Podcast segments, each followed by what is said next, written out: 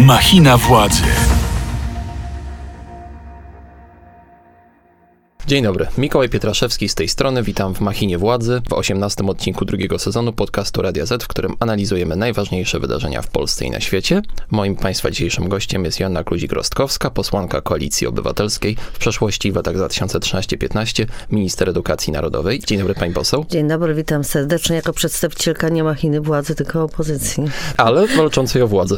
Tak, to prawda. Z władzą na pewno będzie się wiązać nasza dzisiejsza rozmowa. Zaczniemy od tematu, który również również wiąże się z pani byłym resortem, bo z resortem edukacji, teraz Ministerstwem Edukacji i Nauki. Chodzi oczywiście o aferę wokół tak zwanych willi, czyli willi plus. Rozdysponowanie przez Ministerstwo Edukacji i Nauki 40 milionów złotych według politycznego klucza. Chodzi o dotację na zakup nieruchomości w konkursie Rozwój Potencjału Infrastrukturalnego podmiotów wspierających system oświaty i wychowania.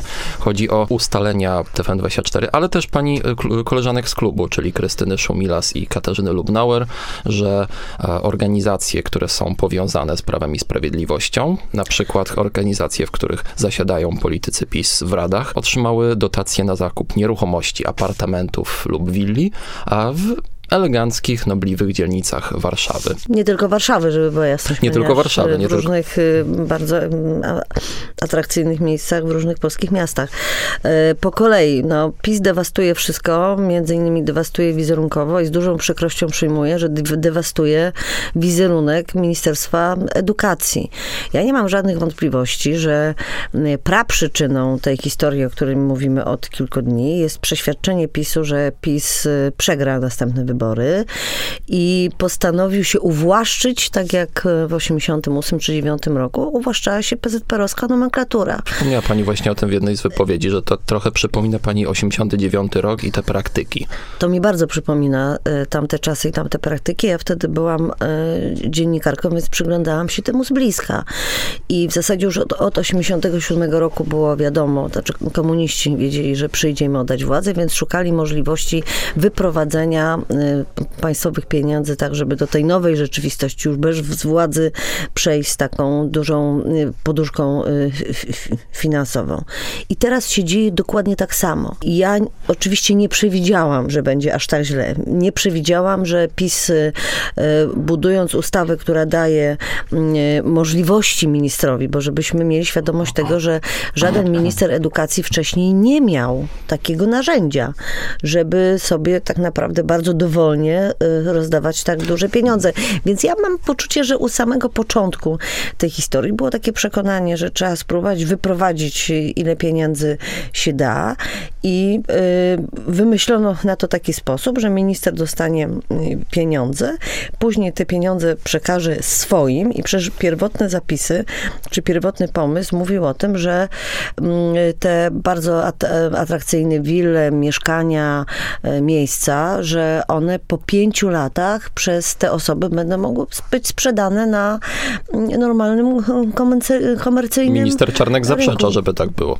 Minister Czarnek pod wpływem bardzo y, silnego nacisku ze strony zarówno dziennikarzy, jak i opozycji przesunął ten termin z pięciu do 15 lat. Myślę, że niektórym zrobiło się przykro tym, którzy, którzy chcieli by mieć taką możliwość po pięciu latach, ale jest to no, po prostu coś absolutnie skandalicznego i myślę, że jak kiedyś była taka komisja mm, likwidacyjna y, PZPR-owska, no to teraz trzeba będzie zrobić dokładnie to samo. To znaczy, to już jest takie, takie poczucie mm, wielkiej bezkarności, takie poczucie, że państwo to jest PiS i w zasadzie widać to na każdym kroku, że no ja, mimo że to jest bardzo przykra historia, ja cieszę się, że my, że my możemy o niej mówić. Zresztą badania opinii publicznej pokazały, że zdecydowana większość Polaków, również zwolenników PiSu, jest tą sytuacją oburzona. Efekt jest taki, że minister Czarnek wychodzi i krzyczy.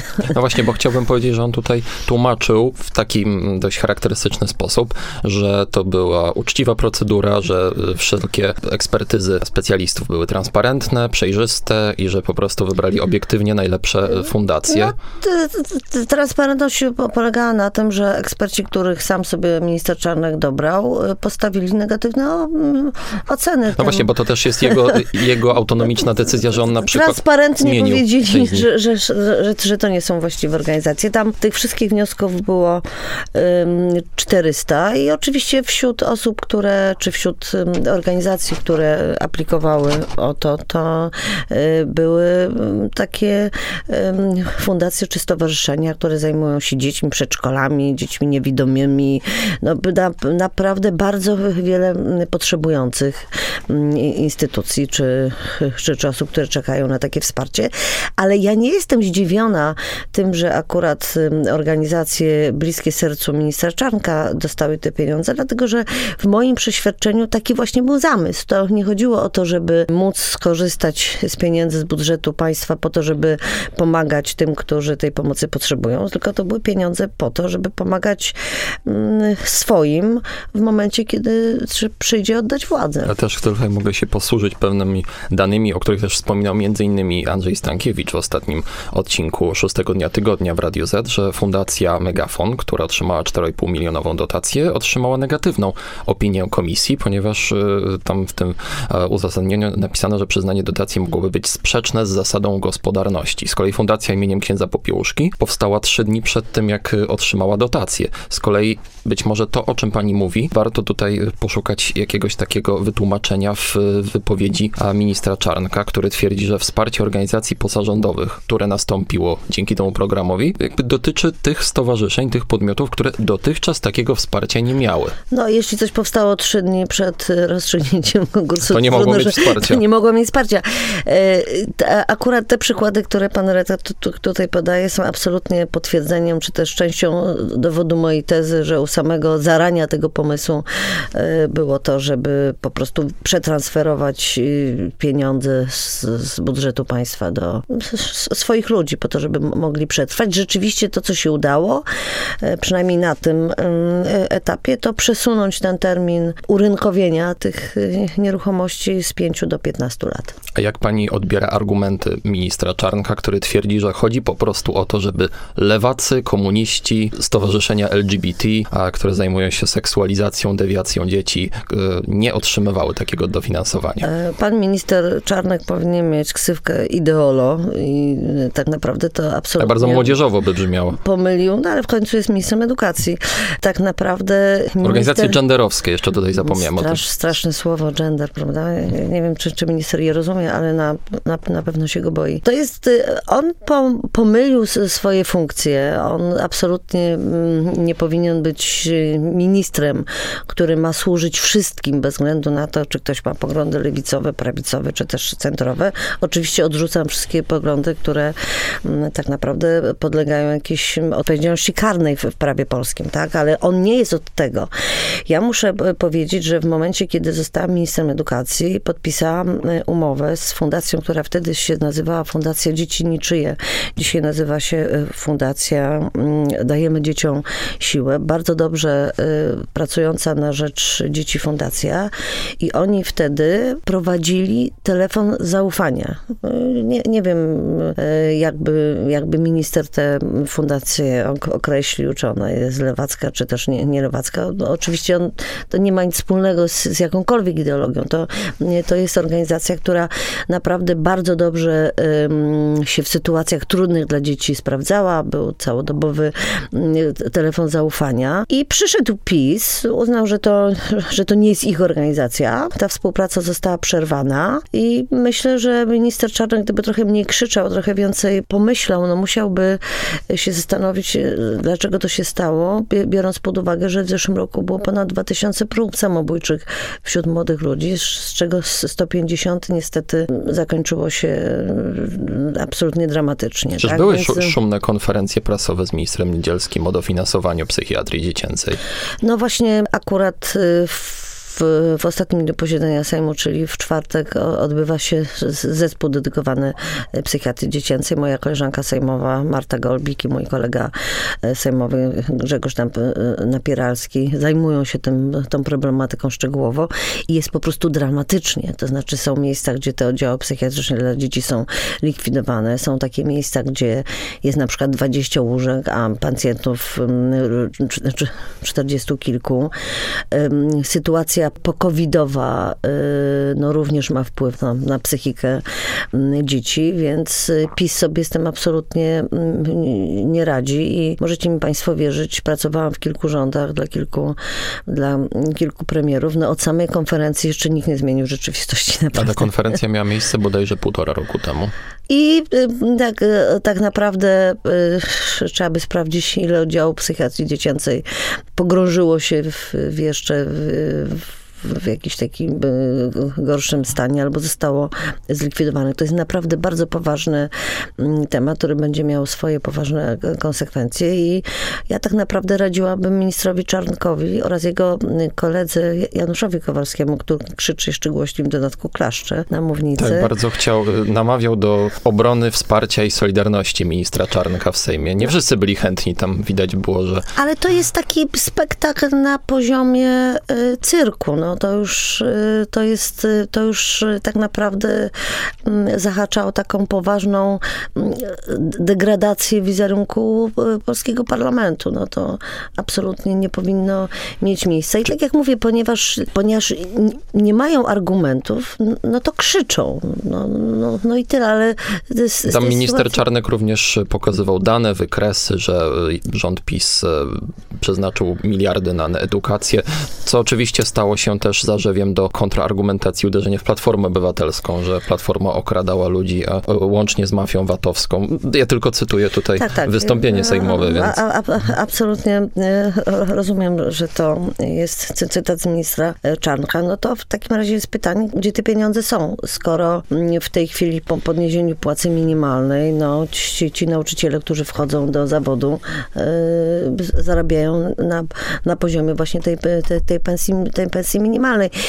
Y, oczywiście y, to jest bardzo duża manipulacja, to, to o czym mówi minister Czarnek, ponieważ jest ważna siła nabywcza pieniądza, ważna jest y, inflacja i oczywiście, ponieważ mamy dużą inflację, to wpływy do, do budżetu są większe, ponieważ podwyższamy rok w rok pensję minimalną, więc zmieniają się wszystkie wskaźniki. Natomiast liczby bezwzględne, e, bez porównania, tak, e, i z pensją średnią, i z pensją minimalną, i, i na przykład z, inflacją równie, róż, e, lub jej brakiem, no to po prostu nie ma absolutnie żadnego sensu, bo wtedy któryś z rządów sprzed reformy Leszka Barcerowicza mógłby powiedzieć, ale myśmy zarabiali miliony. To ja, ja pamiętam czasy, kiedy jako dziennikarka zarabiałam kilka milionów Przed denominacją. Przed denominacją, więc to jest, no to, to jest to, to trochę tego typu porównanie. Akurat w latach 2008-2012, to jest czas przed moim przyjściem do ministerstwa, były bardzo duże mm, podwyżki dla nauczycieli. Y, podwyżki dla nauczycieli, którzy wstępowali do zawodu, były na poziomie 70 kilku procent. Y, jeżeli wzięlibyśmy taką uśrednioną y, podwyżkę, to te podwyżki były mniej więcej na poziomie 50%. Y, ale potem przyszedł PiS, podnosił pensje minimalne, podnosiła się pensja średnia i te wszystkie mechanizmy tak naprawdę zjadły te pieniądze, które otrzymali e, jeszcze od nas nauczyciele, ponieważ nauczycielskie pensje stały, cała reszta e, szła do góry i teraz sytuacja jest naprawdę dramatyczna. I myślę, że tak naprawdę to nikt nie daje się nabrać na to, co, co tam minister pokazuje, jakieś kartki, które między nami mówiąc, jak jak się siedzi na sali sejmowej, są po prostu niewidoczne. Ja widziałam trochę jakieś słupki, jedne były białe, drugie granatowe. Pomarańczowe chyba nawet jakieś były. Może i pomarańczowy, ale no w każdym razie nic tam nie dojrzałam. Co sobie minister pok- pokrzyczy, to jest jego. Myślę, że wydawało mu się, że jak zwykle sprawa gdzieś pójdzie bokiem. Tym razem nie poszła bokiem.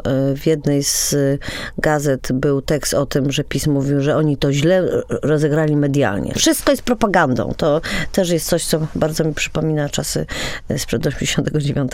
Słuchasz podcastu Radia Z. Chciałbym tutaj nawiązać właśnie też do tego, co mówiły posłanki Lubnauer i Szumilas z niedawnej wypowiedzi bodajże dla Gazety Wyborczej, że premier Morawiecki miał zlecić audyt w Ministerstwie Edukacji w związku z tą e, sytuacją, co mogłoby oznaczać, że kierownictwo PiS trochę obawia się o recepcję społeczną wśród swojego elektoratu. Pani się spodziewa jakichś konsekwencji politycznych? Głowy ministra Czarnka na przykład? Nie, nie spodziewam się głowy ministra Czarnka, aczkolwiek dzisiaj podpisałam wniosek o, o wotum nieufności Który jest boda- dla ministra Czarnka. O, o, ile dobrze wiem, jest popierany przez właściwie wszystkie pozostałe ugrupowania znaczy, niż Zjednoczona Prawica. Przede wszystkim PiS jest naprawdę mistrzem propagandy. Robi wszystko to samo, co robili komuniści w swoim syłkowym okresie, tylko robi to mniej finezyjnie. I naprawdę im się wydaje, i widać to zresztą potem, co można zobaczyć w, w telewizji zwanej pub, publiczną, że jest to po prostu absolutnie ordynarna, mm, ordynarna propaganda. Dlatego też PiS, kiedy okazało się, że został stworzony mechanizm po to, żeby w taki sposób właśnie przekazywać, czy wyprowadzać pieniądze z budżetu, to naj, największym kłopotem jest to, że to po prostu się wydało i to się może mm, nie spodobać. Ja nie spodziewam się dymisji y, Czarnka z bardzo prostego powodu, że PiS w tym swoim y, mechanizmie y, sprawowania władzy uznał, że swoich trzeba bronić zawsze. Proszę zobaczyć, co się dzieje z szefem głównym policji. No przecież to jest taka sytuacja, w, nawiązuje pani w której komendant do, do granatu nawiązuje do tego granatnika z, z, z, pociskiem burzącym, który na szczęście trafił na, na przeszkodę, zanim osiągnął pełne zdolności bycia pociskiem burzącym, bo wtedy byłoby jeszcze gorzej. No to jest ktoś, kto powinien przestać pełnić funkcję tego samego dnia, a mimo to w dalszym ciągu ją sprawuje. I my od tych prawie już teraz 8 lat obserwujemy taki mechanizm, że bez względu na to, jak bardzo ktoś jest winien, no to po prostu trzeba bronić swoich i iść w zaparte.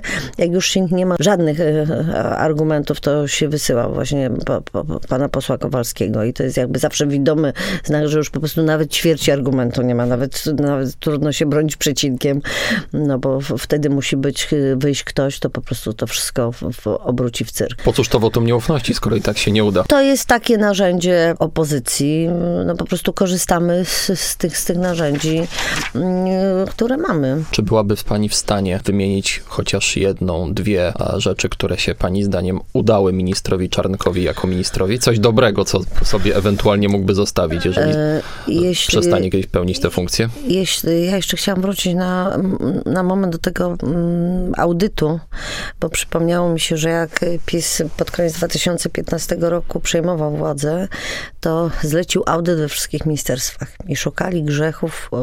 Także w pani resorcie. Poprzedników, również moim. No i szukali, szukali, szukali i okazało się, że Ministerstwo Edukacji w czasie 8 lat rządów Platformy popełniło jeden ciężki grzech. Tym grzechem był zakup pługopiaskarki. Pługopiaskarki. Pługopiaskarki za 50 parę tysięcy złotych i ta pługopiaskarka była takim eksponatem, który każdy dziennikarz, który wchodził na konferencję mógł sobie zobaczyć. Więc... A, czyli to, było, to nawet nie miało użycia praktycznego. Nie, to znaczy oczywiście ta, ta pługopiaskarka była bardzo potrzebna, dlatego że Ministerstwo Edukacji ma kilka dziedzińców wewnętrznych, duży chodnik przed, za, za który jest, jest odpowiedzialny, więc to absolutnie był y, funkcjonalny zakup mówimy o 50 tysiącach złotych.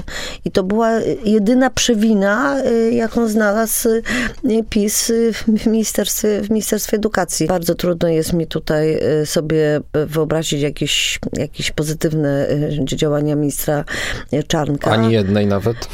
No tak na szybko nic nie jestem w stanie, chociaż chętnie bym rację przyznała, gdybym, gdybym, gdybym mogła to zrobić. Główny kłopot z ministrem Czarnkiem polega na tym, że on jest naprawdę e, bardzo mocno zideologizowanym e, mi- ministrem i jeszcze w dodatku wydaje mu się, że tak jest świat skonstruowany. Co jest w dłuższym e, dystansie dewastujące dla, dla demokracji w ogóle. Bo proszę sobie pomyśleć, że po ministrze prawicowym przychodzi minister lewicowy. Znaczy, A minister potem Czarnek przychodzi- straszy właśnie lewactwem. No straszne. No, Gender. No, no dobrze, no to tylko Czyli efekt może- jest taki, że ileś tam dzie, dzieciaków się wypisuje y, z lekcji religii, no czyli idzie w tę straszną stronę, tak, takiego y, oddzielenia kościoła od, od I oddala państwa. się od... y, Bo, mógłbym Od tutaj... tego, o czym marzy minister Czarnek, więc nie, nie dość, że jest, jest, jest ideologizowany, to jest jeszcze przeciwskuteczny. No. Ale z punktu widzenia funkcjonowania demokracji są takie funkcje, które wymagają poszanowania wszystkich wszystkich poglądów, a nie tylko y, jakby ekspansji y, swoich własnych. Więc minister naprawdę on w zupełnie podstawowej formie się pomylił y, ze swoim powołaniem, bo ja nie Takim, mam... w takim razie powinien zostać. Nie wiem, no może powinien być jakimś y, fun- funkcjonariuszem, czy też przedstawicielem jakiejś skrajnie prawicowej organizacji, która, która, której się właśnie wydaje, że wszystko, co nie jest bardzo skrajnie prawicowe, jest bardzo złe, y, diabeł wci- wcielone i tak dalej. Czyli postawię go po pani obok Roberta Bąkiewicza na przykład bardziej. No tak, tak, tak, no. Bo oczywiście, no ty, tylko, że to nie jest funkcja mi- ministra mm, e- e- edukacji, tylko to jest funkcja mm, działacza, mm, który ma ba- bardzo skrajne prawicowe poglądy i tyle, no. Czy pani by chciała zostać ministrem edukacji, jeżeli opozycja doszłaby do władzy? Chciałaby pani wrócić do tego resortu? Nie, ja, y, ja w momencie, kiedy przestałam być ministrem y, edukacji, jeszcze chwilę pracowałam w tej komisji i serce mi krwawiło, ponieważ to był akurat ten moment, kiedy były likwidowane gimnazja. Później y, się przeniosłam i od siedmiu lat pracuję w Komisji y, Obrony Narodowej i myślę, że bycie ministrem to jest y, taka funkcja, że jak już się raz jest w, w tym ministerstwie, to później jednak jest się przyzwyczajonym do pewnych swoich przeświadczeń i, i będę oczywiście trzymać kciuki za każdego now, nowego, dobrego ministra. Służę swoim wsparciem, doświadczeniem i tak dalej, a, a, ale nie. Chociaż nie, Byłoby to wchodzenie do tej samej rzeki. nie zaanonsowałem pani jako panią minister, tylko panią poseł, więc uznałem, że rzeczywiście ten epizod może należeć do przeszłości. Natomiast bo właśnie chciałem zapytać, co by pani w Ministerstwie Edukacji i Nauki, bo teraz cały czas podkreślam, tak się nazywa ten resort, zmieniła, albo jakie by pani y, podjęła decyzję na przykład w, przez pierwsze 100 dni, gdyby faktycznie została pani a, szefową takiego resortu. Gdyby znów kazano pani wejść do tej samej rzeki i a, otrzymała pani zadanie reformy edukacji. Albo co by pani doradziła Powiem na przykład tak, takiej osobie? Powiem tak, że kiedy zostawiałam e, Ministerstwo Edukacji w roku do- 2015, to byliśmy w sytuacji takiej, że w międzynarodowych badaniach PISA wspinaliśmy się od roku 2000 do 2012 czy 2013, bo wtedy były ostatnie wyniki. Mm, Zaczyna, bo to jest, to jest takie mi- międzynarodowe badanie, w którym uczestniczy 80 krajów świata, gdzie się bada kompetencje językowe, przyrodnicze i y, y, matematyczne. I my, i to akurat się złożyło z powstaniem w Polsce gimnazjów. I my pieliśmy się, pieliśmy, pieliśmy się. To są badane kompetencje 15-latków, to ma znaczenie w kontekście gimnazjum tutaj akurat. Y, I zaczynaliśmy od miejsca gdzieś tam w okolicach 40, a skończyliśmy na miejscu 11 w świecie, czwartym w Europie. I mi się wtedy wydawało, że to, co trzeba zrobić, ponieważ edukacja nie tylko polska, ale w, w całym świecie jest taką edukacją w trakcie dużej mm, przemiany. mm, Internet zmienił wszystko, to znaczy znacznie łatwiej o dostęp do, mm, do, do różnego rodzaju informacji, ale są bardzo potrzebne kompetencje miękkie i wydawało się, że tu już trzeba pracować e, w takich sz- szczegółach, de, detalach, pracować z nauczycielami, pracować z dziećmi, ulepszać to co, to, co było naprawdę całkiem niezłe. No ale w tej chwili przez y, dewastację mm, edukacji, no to po prostu jesteśmy w znacznie gorszym miejscu.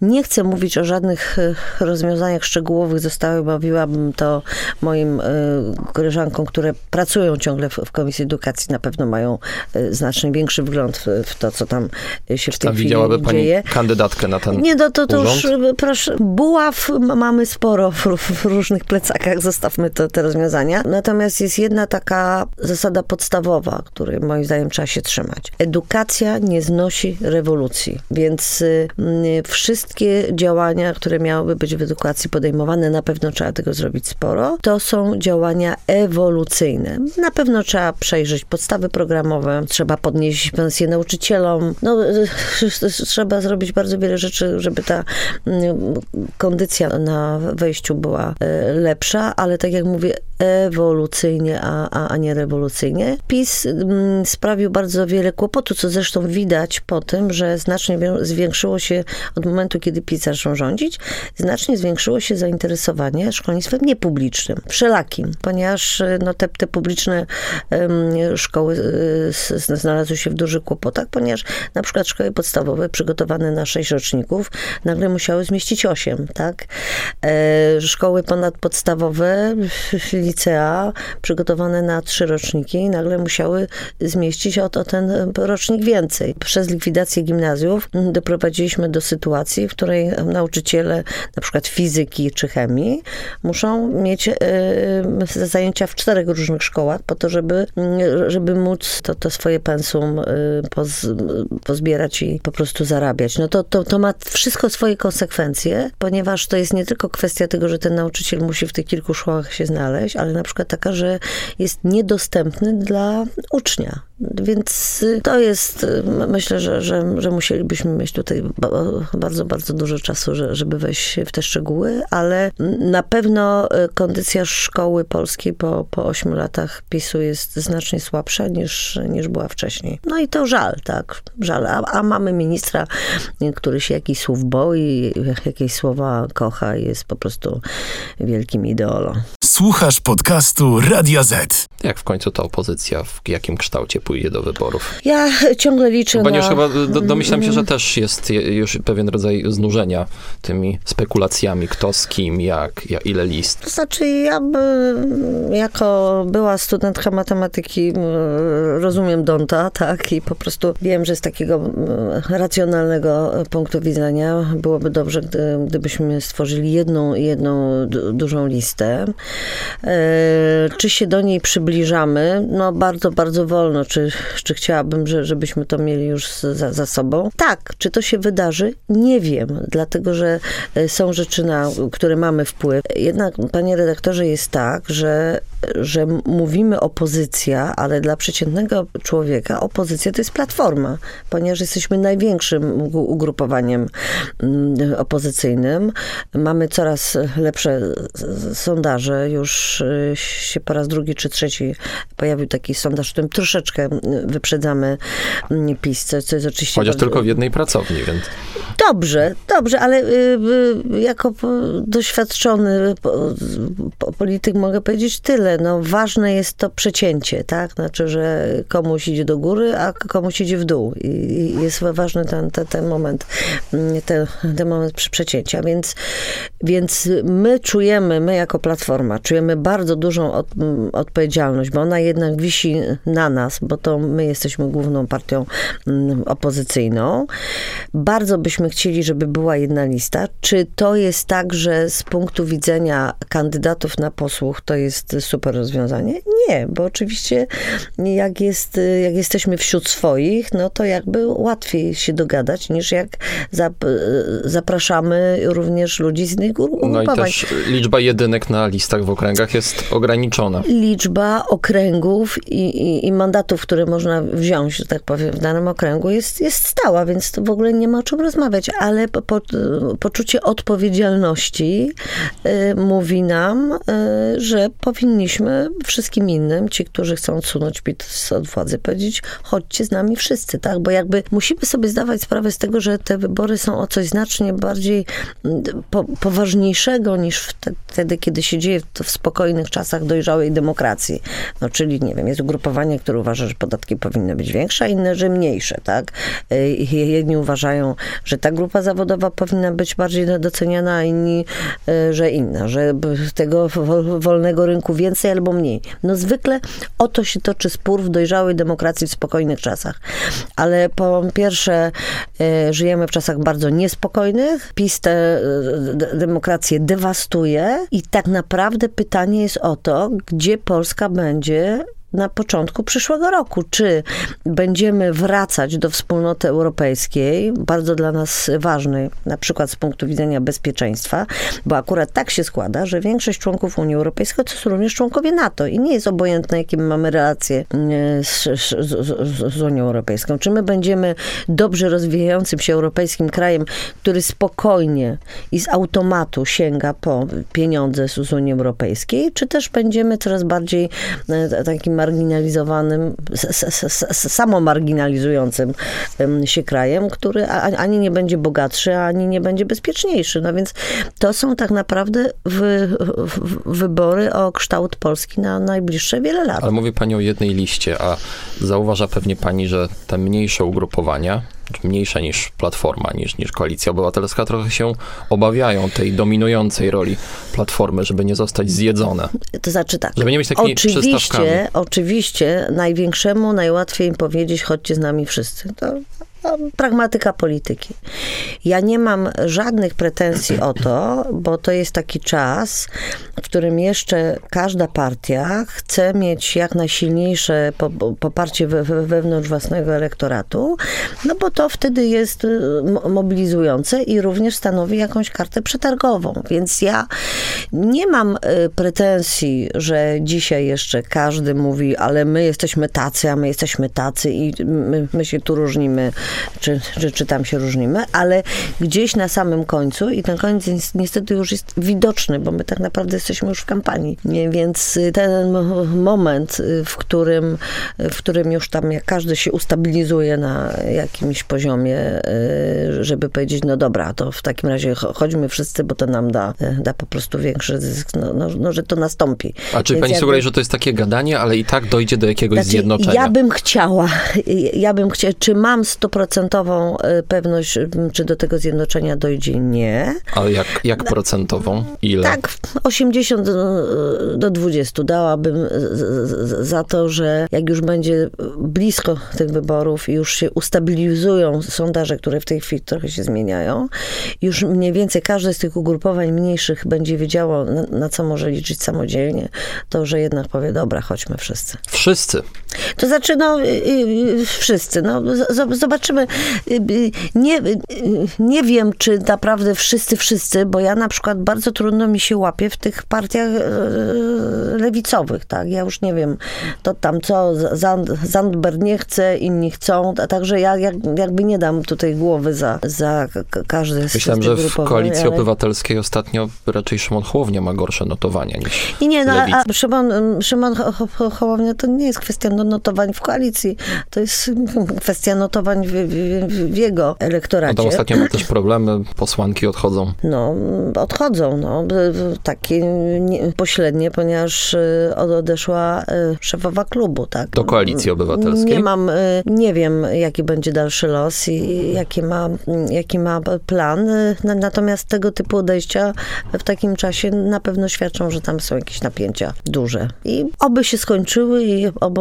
oby zwyciężył rozum, a, a, a nie taki partykularyzm partyjny. Ja tutaj może jeszcze zacytuję razem. Y, niedawnego gościa Radia Z, czyli senatora Michała Kamińskiego, reprezentującego Koalicję Polską PSL, który przyznał, że cały czas liczy na jedną listę i że widzi taką możliwość i że należy umiejętnie czytać sondaże, czyli właściwie bardzo podobnym tonie wypowiada się jak pani, ale zaznacza, że nie powinien być Donald Tusk kandydatem na premiera, że powinien zrobić coś, co zrobił w 2015 roku Jarosław Jarosław Kaczyński, czyli wykonać ten manewr wycofania się, żeby E, nie denerwować swojego negatywnego elektora. Szkoda, że Michała Kamińskiego nie ma tutaj y, dzisiaj z nami. Ja powiem tak i również to powiem ze swojego doświadczenia politycznego niemałego. Szefem rządu powinien być szef partii, która wygrywa wybory z bardzo pragmatycznego powodu i wiemy, że jak nie jest szef partii szefem rządu, to powoduje to różne y, kłopoty. W tej chwili ciągle y, premier Morawiecki jest posądzany o to, że nie ma wpływu albo w ogóle na swój rząd, albo na część swojego rządu, różne rzeczy musi uzgadniać. Y, Ja sobie przypominam czasy premiera Marcinkiewicza, który też y, musiał, w, znaczy jakby to centrum y, decyzyjne jest gdzieś poza rządem. To jest również kwestia premiera Buzka i, i, i, i, i Ma- Mariana y, Krzaklewskiego. Mamy w Polsce bardzo wiele przykładów, które mówią, że jeżeli to nie szef partii, która zwycięży, jest szefem rządu, to to tylko dokłada kłopotów. Każdy rząd ma zawsze bardzo dużo kłopotów, więc albo można sobie jeszcze na własną chęć dołożyć tych kłopotów, albo, a, a, albo uznać, że te, które są przed nami, są wystarczające. A, a proszę mi wierzyć, po ośmiu latach rządów PiSu następny rząd będzie miał wystarczająco dużo kłopotów. I, I szef rządu musi mieć bardzo silny mandat. Ja rozumiem Michała w takim sensie politycznym. On reprezentuje inne ugrupowanie i na pewno by chciał, żeby to szef jego ugrupowania był sz- szefem rządu, ale to też powoduje pewne komplikacje, bo wtedy ta największa partia bierze e, największą od, odpowiedzialność, a wpływ ma, ma ma nieco mniejszy. Ale jeżeli będzie jedna lista, no to rozumiem, że pani wtedy zakłada, że to Donald Tusk będzie szefem tej koalicji wielkiej. Również z Lewicą, z Hołownią, z PSL-em. W pan sensie, co, to jest takie kwestia... automatyczne założenie. Nie, to znaczy y, ja jakby sz- sz- szanuję to, że jedna wspólna lista to jest dodanie poparcia, tak? Ale to też oczywiście, e, kiedy, kiedy doszłoby do tej wspólnej listy, to na pewno będzie jakieś wstępne porozumienie. bo tu To- chodzi mi o to, że to nie byłoby to zwycięstwo będzie dalej- Platformy Obywatelskiej, tylko to ma swoje konsekwencje, tak? To znaczy potem się siada i patrzy się, kto tam ile zebrał i w zależności od tego tak się później y, układa rząd. To ma swoje bardzo praktyczne przeniesienia, bo proszę sobie wyobrazić sytuację, w której szefem rządu zostaje przywódca ugrupowania, które tam w swojej kolejności, nie wiem, było drugie, trzecie. I jest ugrupowanie e, największe, które siłą szabli w Sejmie ma, ma naj, największą moc, ale również ma największą odpowiedzialność. To naprawdę potem się mogą dziać takie niepotrzebne na, napięcia, tak? Więc y, Ale może Michałowi Kamińskiemu nie chodzi o kogoś z innej partii, tylko o kogoś innego z Platformy, na przykład o Rafała Trzaskowskiego, albo Barbary Nowacką. Yy, ja z Michałem Kamińskim czasem rozmawiam, więc mniej więcej wiem, o co mu chodzi. Tu może postawmy kropkę. To był 18 odcinek drugiego sezonu Machiny Władzy, podcastu Radia Z, w którym staramy się analizować najważniejsze wydarzenia w Polsce i na świecie. Moim i Państwa dzisiejszym gościem była Joanna Kluzik-Rostkowska, posłanka Koalicji Obywatelskiej, była minister edukacji. Dziękuję tak jest. bardzo. Dziękuję. Tymczasem słuchajcie nas na playerze Radia Z, na YouTubie i w serwisach streamingowych, takich jak Spotify czy Apple Podcast. Za tydzień spotka się z Wami Błażej Makarewicz, ja nazywam się Mikołaj Pietraszewski i raz jeszcze dziękuję za dzisiejszy odcinek. Do usłyszenia. Machina władzy. Więcej podcastów na player radioz.pl.